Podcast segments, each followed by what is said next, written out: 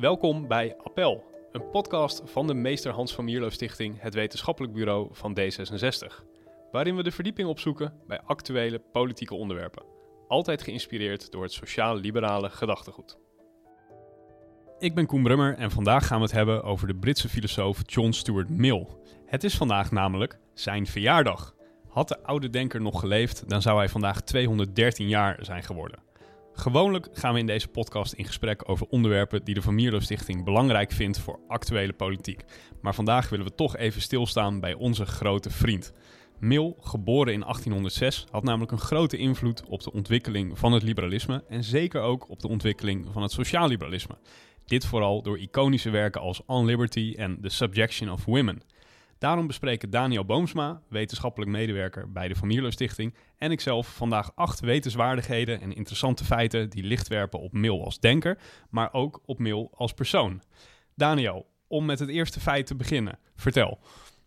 Ja, Mill heeft een uh, heel merkwaardige opvoeding gehad. Uh, hij is um, thuis vooral opgevoed door zijn vader James Mill, zelf ook filosoof. Um, en die beschouwde hem echt als een soort project. Hij moest eigenlijk uh, naar het evenbeeld van zijn vader een echte rationele uh, denker worden. Uh, en als je zijn autobiografie leest, dus van, van John Stuart Mill, verscheen in 1873, ja, dan komt dat hele beeld van een soort absurde, projectmatige opvoeding helemaal naar voren. Hij moest al op heel vroege leeftijd Plato lezen. hij heeft lijvige historische werken tot zich genomen op zijn achtste al.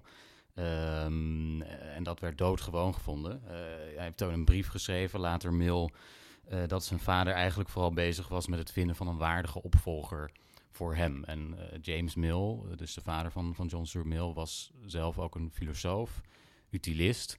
En die wilde eigenlijk die hele nuttigheidsleer, zoals het utilist, utilitaire filosofie kan samenvatten, wilde hij aan zijn zoon overbrengen. En dan moest je zo vroeg mogelijk moest je hem leren denken, lezen, uh, zelfs lesgeven. Hij heeft ook aan zijn zusjes, uh, heeft John Stuart Mill al, uh, nou, zo rond de 12, 13 geloof ik, heeft hij les gegeven. Um, dus dat was een heel, ja, een heel ongewone opvoeding. Er was ook een relatie met Jeremy Bentham, toch? Begrijp ik? Ja, dat was een goede vriend van zijn vader. Jeremy ook een utilist? Bentham, ook een utilist, eigenlijk de, min of meer wel de uitvinder daarvan. Dus eigenlijk de nuttigheidsleer. Uh, die stelde van dat je grootst mogelijk geluk voor een groot, voor zo groot mogelijk aantal mensen moet nastreven. En dat dat uh, nou ja, politiek en sociaal wenselijk is. En daar heeft hij een hele filosofie omheen gebouwd. Um, uh, en het resultaat was, dat staat ook in de Nederlandse vertaling van over vrijheid, waar we straks nog opkomen. Was dat Mill een soort vroegrijp jochie werd dat perfecte utilistische leerstellingen tegen tegenstanders kon verdedigen. Um, en dat is een soort van ja, voorpost werd van, van zo'n filosoof als, als Jeremy Bentham, die dat helemaal had uitgedacht.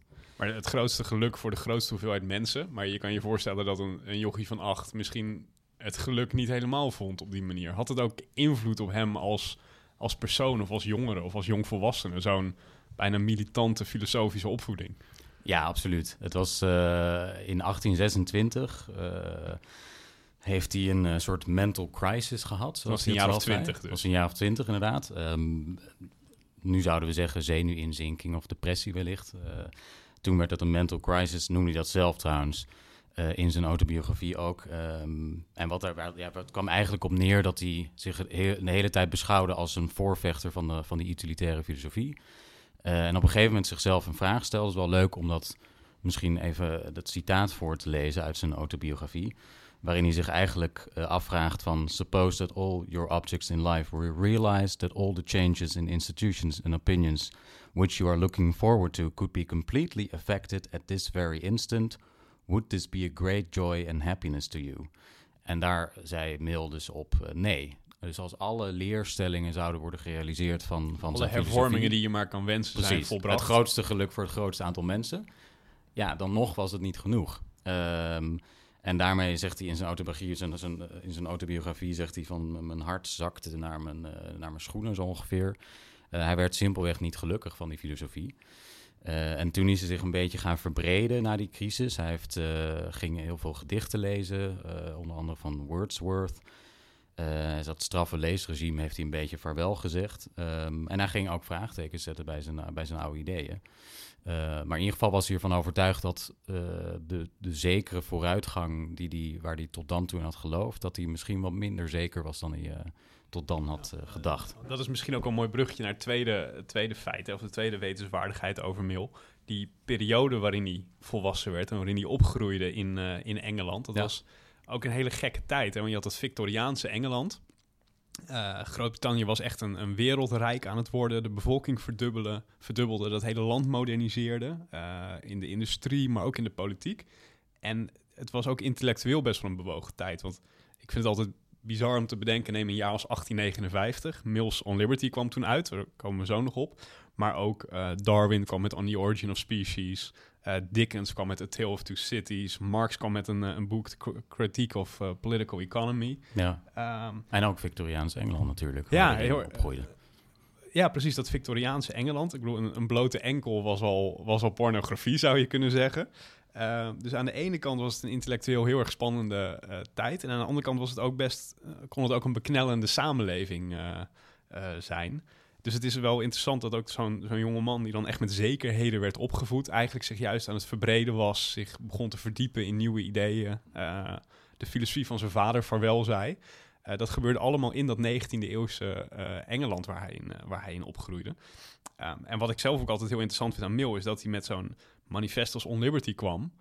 in een tijd waarin dus die samenleving ook een steeds groter hè, zich begon te sluiten rond dat individu. Hè. Er was meer ruimte voor, of minder ruimte voor, voor, voor uh, gekke uitspattingen, zou je kunnen zeggen, in zo'n, in zo'n strenge samenleving.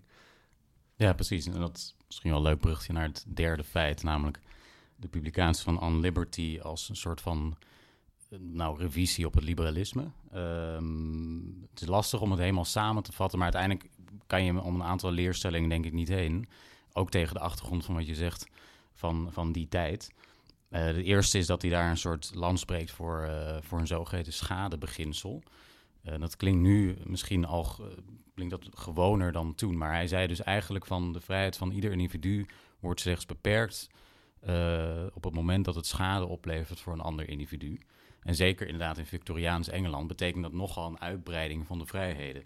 Van jou als ehm, individu, want je hebt minder te maken met ja. de mening van de samenleving. Ja, en hij heeft het ook over het, eh, precies, hij heeft het ook over het onderscheid tussen harm en mere offense.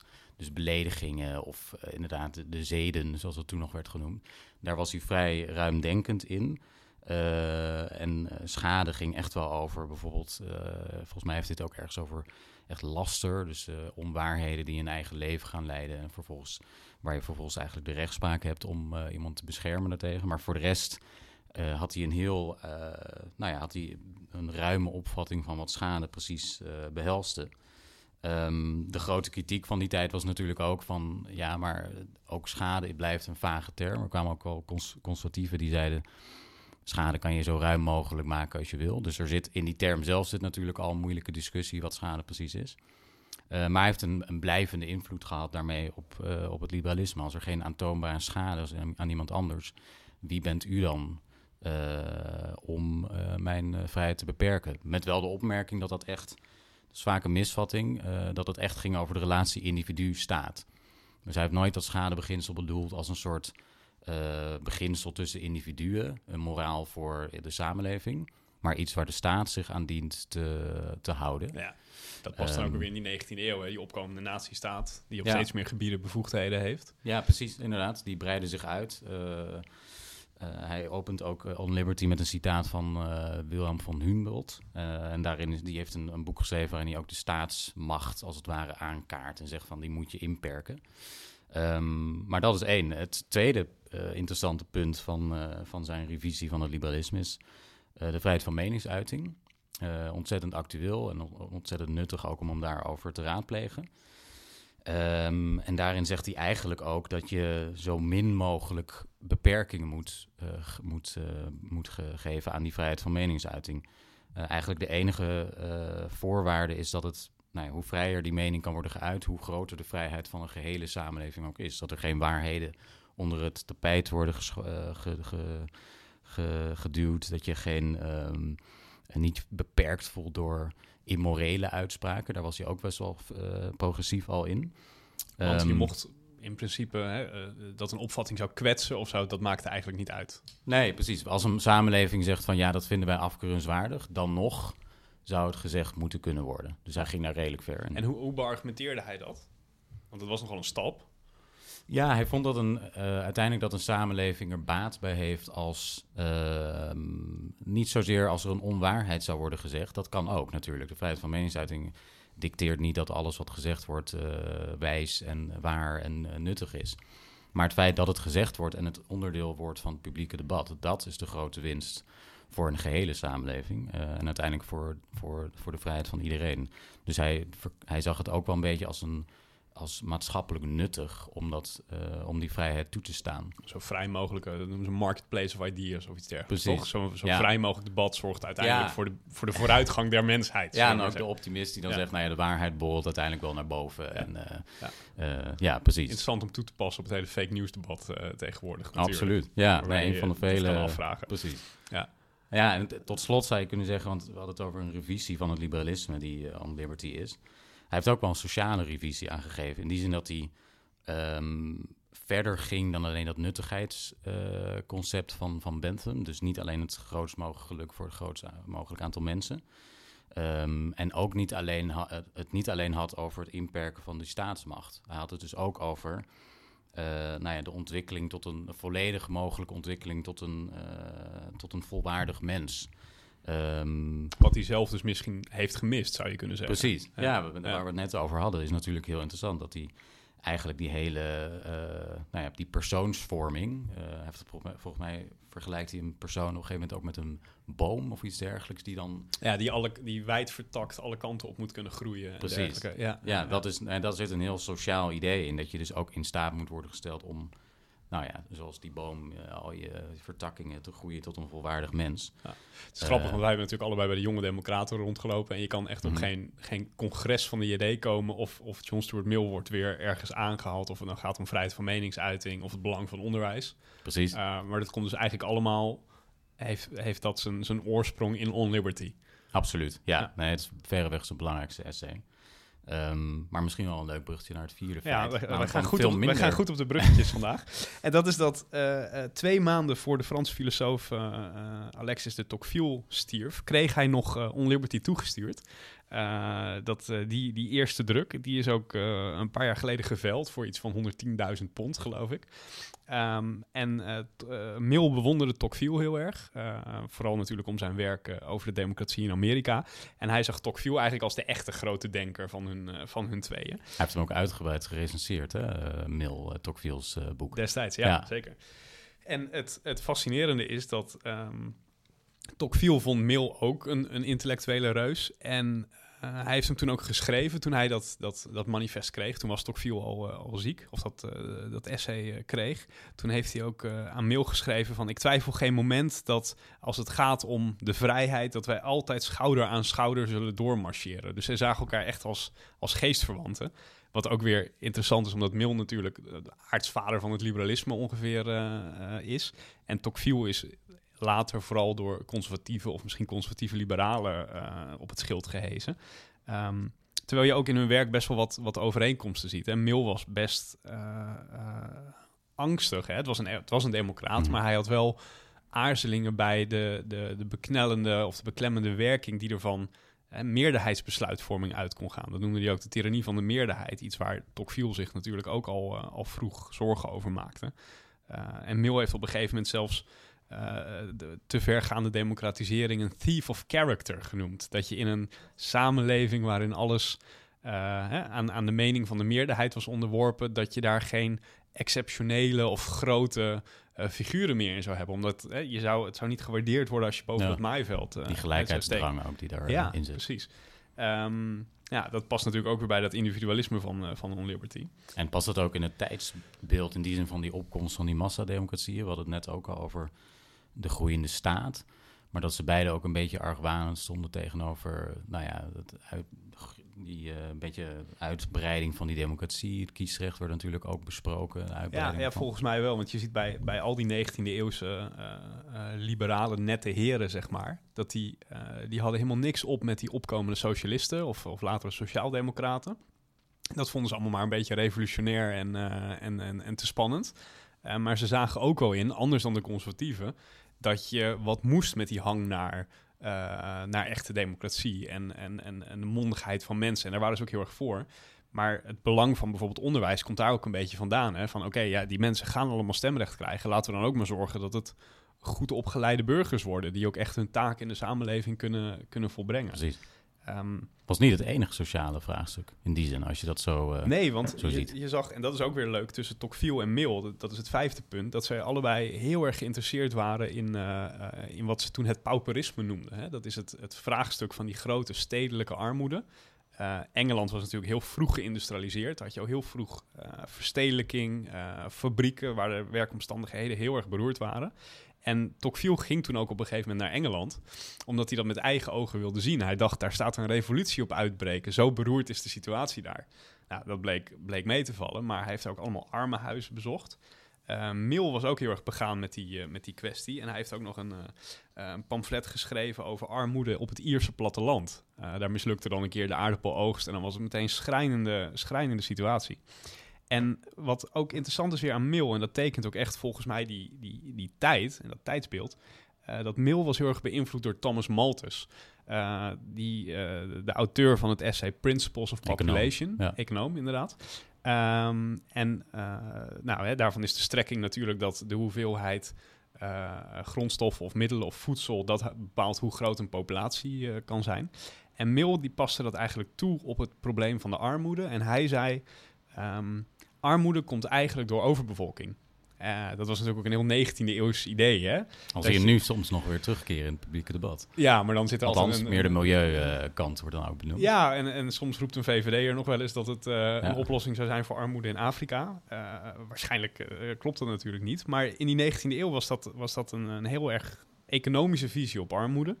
Uh, dat werd beredeneerd vanuit het idee dat uh, als je te veel aanbod van arbeid hebt, hè, te veel laaggeschoolde arbeiders, dan is de prijs van arbeid dus heel erg laag. En dan concurreren die arbeiders elkaar eigenlijk, uh, eigenlijk arm. dus kwam Mill met allerlei ideeën. Hè, van ja, de mensen moesten maar emigreren naar andere, andere delen. Dat zag je natuurlijk naar Amerika. hij heeft zelfs een soort systeem ontworpen waarin een hele generatie dan door de overheid één keer uit de armoede ontheven zou moeten worden heel erg. Uh, nou ja, het heeft iets absurdistisch ja. bijna, hè, dat je dat dan zo zou kunnen doen in die tijd. Uh, maar het was dus een heel economisch gekleurde, gekleurde visie op armoede. Uh, en Tocqueville hield zich daar ook mee bezig. Die heeft er ook een lezing over gehouden. is ook in het Nederlands vertaald als, als boekje trouwens, over het pauperisme. Um, en Tocqueville wilde juist private initiatieven. Want hij zei, ja, dat kan de overheid toch niet goed, goed oplossen, al die al die vragen over gelopen dan. Ja, zeker. En Mill die nee, je moet juist publieke initiatieven hebben, hè? want de overheid zal nooit in staat zijn of uh, sorry, uh, uh, private, partijen. private partijen zullen nooit in staat zijn een soort goede basis te bieden voor, voor zo'n groot probleem als, als armoede. Ja. ja. Ja, op papier heeft Mill ontzettend veel ideeën opgetekend. Hij heeft, en dat is het zesde punt, ook in het parlement geprobeerd zijn ideeën te realiseren. Uh, heeft hij niet heel veel mee gedaan. In die zin was hij echt een intellectueel in, uh, in het Britse parlement, waar hij in 1865 uh, toetrad als vertegenwoordiger van, van Westminster, namens de Liberal Party uiteraard. Ehm, maar het zou ook wel oneerlijk zijn om daar helemaal op af te rekenen. Hij heeft al iets gedaan. Iets gedaan. ja, hij was niet een pijprokende luiaard, maar um, hij heeft een paar dingen gedaan. Het is ik denk meest opvallend is wel dat hij eh, redelijk veel uh, verzet had tegen de, de conservatieven, de Conservative Party, die hij eens uh, de Stupid Party heeft genoemd. daar is hij flink op aangevallen. maar hij bedoelde daar eigenlijk mee niet dat conservatieven dom waren, maar dat domme mensen doorgaans conservatief zijn. en daar voegt hij dan aan toe, citaat ook, I believe that it, that, it, that it is so obviously and universally admitted as a principle that I hardly think any gentleman will deny it. dus hij was daar redelijk fel in. Maar dat is Ehm, trouwens grappig, want er is een heel mooi werk over, eh, over conservatieve filosofen, de Conservative Mind, van. Russell Kirk, geloof ik. En die opent ook met dit citaat hè, van The Stupid Party. That's Ja. how John Stuart Mill... nou, het zegt genoeg over hoe blijvend dat, eh althans, dat dat toch is bijgebleven in de geschiedenis. Misschien Ehm, leuk om het in Nederland ook weer in te voeren. ja, richting eh, de VVD bijvoorbeeld zou dat kunnen. Ehm, maar Mill, hij bedoelde eigenlijk mee, hij was niet zozeer heel anti-conservative party. Het was de tijd dat Disraeli, eh, de Benjamin Disraeli, de partij aanvoerde. Dat was redelijk eh, succesvol ook. En dat eigenlijk werd een van de modern- grote premiers van, van Groot-Brittannië. Ja, precies. Ja, die, was, eh, die heeft ook die hele partij eigenlijk, de moderne conservatieve partij, wel ongeveer gevestigd. Ehm, maar hij bedoelde er meer mee dat conservatieven, als, als er direct moet worden gehandeld, zo merkt hij ook in het parlement, eh, dan wordt er vaak niks gedaan. Eh, en als er een actueel besluit of een, eh, moet worden genomen, dan zijn conservatieven geneigd om de historische lijnen te schetsen. en erop te wijzen hoe moeilijk en hoe taai de, de geschiedenis eigenlijk is gebleken. En dat je nooit te snel moet handelen. Maar hij heeft ook Ehm, best even geflirt met het conservatisme, toch? Ja, in zijn klopt. leven. Ja, dat was... ehm, Mill bedoel ik dan. Mill heeft er zeker mee geflirt. In die zin is het ook wel grappig dat hij in het parlement zo fel was. Want hij heeft, op een gegeven moment heeft hij... eh, eh, is hij dus, eh, dat een beetje in de nasleep van die mental crisis... is hij echt andere mensen, andere denkers gaan lezen. Zo iemand als Samuel Taylor Coleridge is een, een dichter ook. Echt een romanticus, en conservatief ook politiek. Ehm, ja, die heel, eigenlijk heel anders dacht over eh, politiek. Veel meer historisch, veel meer oog had voor dus historisch gegroeide instituties. Eh, ook een beetje de, de irrationele mens in plaats van, eh dat benadrukte in plaats van Mill, die toch wel uitging van een, een redelijk eh, optimistisch mensbeeld. Ook heel sterk verlichtings... Ja, Ingevende verlichting, hè? de rationele mens. ja Die, eh, precies. En eh, die Coleridge zei eigenlijk, ja, kijk ook naar de geschiedenis, kijk naar nationale kenmerken. Eh, en daar heeft hij in 1840 heeft Mill een essay over hem geschreven. Eh, ik pak het even bij, dat is wel interessant, want daar schrijft hij eigenlijk eh, iets. schrijft hij eigenlijk dat, dat hij heel lang geloofd heeft in die filosofie van Bentham. En dat dat ook nog wel waar is, maar dat hij in Coleridge eigenlijk een soort ehm, andere kant van de medaille ziet. Dus hij heeft net zo goed een aantal waarheden te vertellen. Eh, terwijl hij wel zegt dat Coleridge behoort tot eh, de reactionaire. Die eigenlijk inderdaad die hele verlichtingsfilosofie van, van Locke tot, eh, tot, tot Mill toen eh, verwierp. Is dit dat stuk waarvan ze zeggen... Mill heeft eigenlijk ook een soort tegenargument op On Liberty gepubliceerd? Ja, ja dat is de historica Gertrude Himmelfarb heeft dat gezegd. Dat eh, het essay on Coleridge eigenlijk een soort van tegenspeler is. Is ook wel kritiek op. Eh, anderen zeggen nee, het is heel consistent. Het past juist bij zijn open houding. Ehm, maar zij zegt ja, dit is eigenlijk een soort mail die terugkomt op zichzelf. Althans, eh, hij heeft dit eerder geschreven dan On Liberty. Dus eh, in On Liberty zou hij dan terugkomen op dit. Ehm, maar hij stond uiteindelijk toch wel open voor andere denkbeelden. Een goede vriend van hem zei wel dat hij... dat was Thomas Carlyle, een historicus, Britse historicus. Die ehm, zei nog wel over Mill van... ja, hij heeft daarvoor eigenlijk nooit dit tot zich genomen. Het kwam ook natuurlijk door die opvoeding. Dat hij eigenlijk heel erg eh, projectmatig een aantal werken heeft gelezen. En die zei over hem eh, van... ach, arme jongen, hij moet nu allemaal emoties... en eh, talloze ideologische ondraaglijkheden het hoofd bieden die bij Bentham bijvoorbeeld nooit zouden zijn opgekomen. Want die las het gewoon niet. Dus in die zin... eh, Wat heeft hij zichzelf aangedaan, precies, zou je hij kunnen heeft- zeggen. Precies, ja. Ja. Ehm, maar hij heeft ze Terwijl in een, in een normalere opvoeding of in een normalere jeugd... zou die misschien veel natuurlijker in aanraking zijn gekomen... met allerlei verschillende ideeën. Ja, precies. En zou het tot een minder grote crisis op latere leeftijd hebben. Ja, ik denk het wel. Ik denk Ja. het zeker. Ja. Ehm, maar Hij, hij heeft nog iets gedaan in dat parlement, toch? Want we kunnen het eigenlijk Zeker. niet over Mill hebben. Zeker niet... hè, Het is dit jaar natuurlijk 100 jaar eh, algemeen kiesrecht in Nederland. Omdat we nu ook 100 jaar geleden het vrouwenkiesrecht eh, hadden. Eh, Daar speelde Mill ook al vroeg een, een grote rol in. Daar heeft hij eh, zeer een vroege rol in gespeeld in het parlement, inderdaad. Ehm, hij was daarvoor, voor het vrouwenkiesrecht. Eh, ook wel ingegeven door, door zijn vrouw, eh, Harriet Taylor. Ehm, en op, op 20 mei 1867, ehm, dat was eh, ook zijn verjaardag trouwens, bepleit Oh. hij in, eh, in de House of Commons eh, een, een uitbreiding van het kiesrecht naar vrouwen toe. Dat moet je ook een beetje tegen de achtergrond van die tijd zien. Eh, lag toen de, de Second Reform Act- lag voor. En dat betekende een uitbreiding onder mannen. Een enorme uitbreiding van het van de kie- aantal kiesgerechtigden eh, onder mannen. Dat liep eigenlijk een Ehm, beetje min of meer parallel aan Nederland. Hè? Toen had je ook tweede helft 19e eeuw voortdurend debat over Precies. wie moet dat kiesrecht nou, eh, nou toekomen.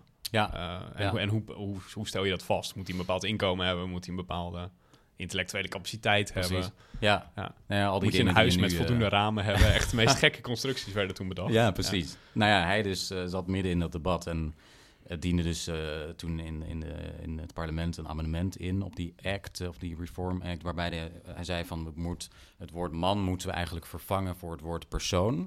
Hij heeft het dus slim gespeeld. Hij zei heeft niet zozeer. Hij wist ook wel dat dat een heel controversieel punt zou zijn om vrouw eh, te noemen. Maar persoon was neutraal, dus dat betekent dat je de wetgever eh, nou ja, voor het blok zet eigenlijk.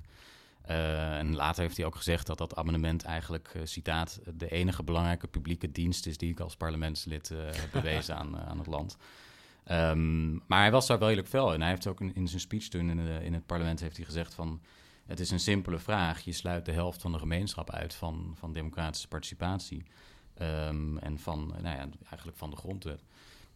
Dat, dat kan helemaal niet. Ehm, hij heeft uiteindelijk is dat amendement afgewezen. Eh, hij wist Verrassend. zelfs, ja, niet verrassend inderdaad in die tijd. Al wist hij wel eh, twaalf conservatieve MP's ook te overtuigen, waarvan één iemand in de week van, de, van, van eh, dat die stemming zou plaatsvinden zelfs nog. Oh, wow. Ehm, dus het politieke handwerk beheerste die ook. Absoluut, ja. Enigszins. hij heeft nog, hij heeft eigenlijk was hij wel in die zin een voorloper, want pas in acht- 1918 zouden vrouwen het kiesrecht krijgen en in 1928 pas echt volwaardig. Ehm, maar hij was echt een voorloper en in zijn boek eh, inderdaad On the Subjection of Women, eh, 1869, dus twee jaar later eh, gepubliceerd, breekt hij ook in eh, theorie eh, een lans voor, voor de gelijkwaardigheid van man en vrouw. Dat, dat is natuurlijk een heel strijdbaar eh, eh, manifest on the subjection of women. Ehm, zijn, zijn vrouw, waarmee die, of dan zijn, eh, hij trouwde op latere leeftijd met Harriet Taylor. Hè. Daarvoor eh, hadden ze twintig jaar een, nou in elk geval een zeer goede vriendschap. En er wordt beweerd dat, het, dat, dat het wat meer was wellicht. Eh, volgens mij heb jij ook nog een prachtig citaat trouwens over Harriet Taylor... die iets vindt van de handen van John Stuart Mill. Ja, die was enorm verliefd op de handen van, van Mill, inderdaad. Eh, ik weet niet waarom. Er zijn niet echt schilderijen waarin die heel goed in beeld zijn gebracht. Maar, eh, Anders, wilde je daar wel even een blik op werpen. Of die handen nou echt zo Ja, wat zijn. nou, what the fuss is about, inderdaad. Maar de, de- ze, waren dus, hebben een aantal liefdesbrieven geschreven. En in een van die brieven schrijft eh, Harriet Taylor dus eh, het volgende. Als ik eraan denk dat ik je handen pas dinsdag kan vasthouden... dan denk ik, zo lang nog en zo nutteloos zijn mijn handen dan. Ehm, nou ja, dat is een voor die, de, voor die de, relatie. de. Mill en Taylor variant op de Victoriaanse enkel zijn dan Precies. de. Victoriaanse handen. ja, ja. Ja, daar kon je het gewoon netjes over Ja. hebben. Maar er zijn best wel theorieën, toch? Dat, dat Taylor was, was, was een feministe. Ehm, eh, ze trouwden dus na een hele lange vriendschap. Toen haar man overleed, zijn ze met elkaar eh, in het huwelijk getreden, Mill en, eh, en Harriet Taylor. Ja. Eh, maar er gaan ook verhalen dat Taylor aan de Subjection of Women misschien zelfs wel geschreven zou hebben, toch? Ja, zijn, dat zijn meer geruchten, denk ik, dan echt waarheden. Als je Richard Reeves' eh, Victorian Firebrand leest, dat is de biografie van Mill, die zegt eigenlijk in zijn inleiding, dat viel wel mee met die invloed. Het was uiteindelijk meer een soort wederzijds eh, goed vinden van elkaars ideeën, dan dat hij echt, eh, als het ware, gedomineerd werd. Maar was wel degelijk een soort intellectuele uitwisseling, sparringpartner, Ja, precies. ja. Dus het zou me niet verbazen als ze daar ook echt wel eh, van grote invloed op is invloed heeft gehad. Ja. Ja. La- laatste feit voor, voor, de, voor deze podcast. Hè. Mill stierf buiten Engeland, in Avignon. Ik heb net opgezocht, hij stierf van wondroos. Dat is niet iets waarvan je vandaag nog denkt, nou, daar, ja. hè, dat, dat hoef je je leven te kosten. Maar hij ligt daar ook begraven naast Taylor, eh, in Frankrijk dus. Eh, het is toch ergens ook fascinerend dat zo'n door en door Engelse intellectueel parlementariër in Zuid-Frankrijk ergens ligt, ligt begraven. Ehm, hij bezocht wel vaker Europa. hè. Dat deden veel welgestelde eh, mensen in die tijd voor hun gezondheid. Gingen ze naar kuuroorden en dergelijke. Ehm, maar het is wel interessant ook om stil te staan. Maar het is denk ik wel echt een Europese intellectueel ook. Hè, Absoluut. het, is niet, Ja. eh, het is niet iemand die, je noemde het Disraeli. Dat is natuurlijk iemand die echt helemaal vervlochten is met Engeland. Mill wordt denk ik overal in Europa, eh, heeft hij heeft die invloed nagelaten. Ehm, maar als we dit nu zo bij elkaar optellen, dan heb ik het gevoel dat, dat Mill eigenlijk zijn leven lang wel aan het zoeken is gebleven. Hè? Hij kwam natuurlijk in een gezin ter wereld waar hij de eerste twintig jaar één bepaalde richting op is gestuurd. Namelijk Ja. dat utilisme, hè? het grootste geluk voor de grootste hoeveelheid mensen. En vervolgens is hij in al zijn publicaties, en we hebben het nog niet eens gehad over zijn andere publicatie, over logica en over, over politieke economie, maar ehm, is hij eigenlijk daar de hele tijd hè, punten en comma's bij gaan plaatsen en vraagtekens. Ja, precies. Ja. Ehm, is, eh, hoe zie jij dat? Wat, wat, wat zegt dat over Mill als denker? Ja, dat hij inderdaad, ik, ik denk wel, ehm, dat is wat die biograaf, biograaf eh, Richard Reeves ook schrijft in, in Victorian Firebrand. Van ja, als je kijkt naar Mill, dan zeker naar die mental crisis waar we het over hadden, dan is het eigenlijk dat hij op een gegeven moment niemand toeliet tot zijn geest. Zoals hij dan eh, letterlijk zegt van nobody ever took hold of Mill's mind again. Zij heeft een soort openheid bewaard. Ik denk dat die dame ook heel continentaal is, kan worden opgevat. Niet per se heel Brits.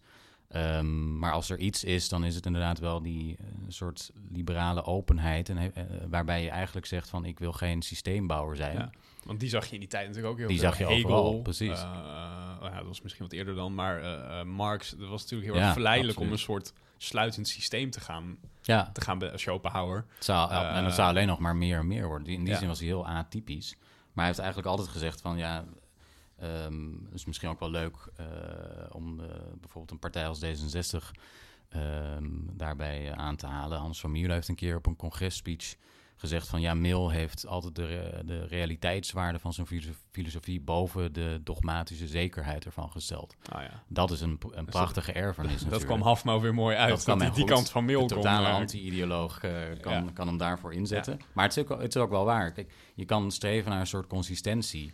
En dat deed uh, zijn vader James Mill. Um, en zijn vader is niet bijgezet bij de grote denkers. En uh, zijn zoon en John Stuart Mill uh, wel. Misschien precies om die reden dat hij een soort openheid heeft behouden. Uh, die liberalen tot op de dag van vandaag kan inspireren. Ja. Het is natuurlijk ook een heel mooi liberaal beginsel. Een soort erkenning dat de wereld nooit af is. Dat er geen sluitende systemen bestaan. Dat je op basis van enkele principes die je wel belangrijk vindt, toch moet moet blijven doormorren ja. eigenlijk. Ja, en ook hoe moeilijk die positie is. Ja. Niet, uh, het klinkt misschien vanzelfsprekend, maar het is zeker in een tijd van, van enorme zekerheden en ideologische gestaaldheid, is dat echt een, een, uh, een, soms best een ondankbare positie om in te nemen. Dus Daniel, ook op Mills 213e verjaardag moeten we doorgaan met Mill lezen. Absoluut.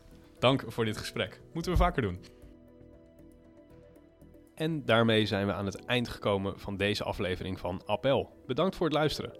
Heb je vragen, opmerkingen of wil je gewoon graag met ons in contact komen? Ga dan naar onze website van mierlostichting.nl, stuur een mail of gewoon een berichtje via Facebook of Twitter.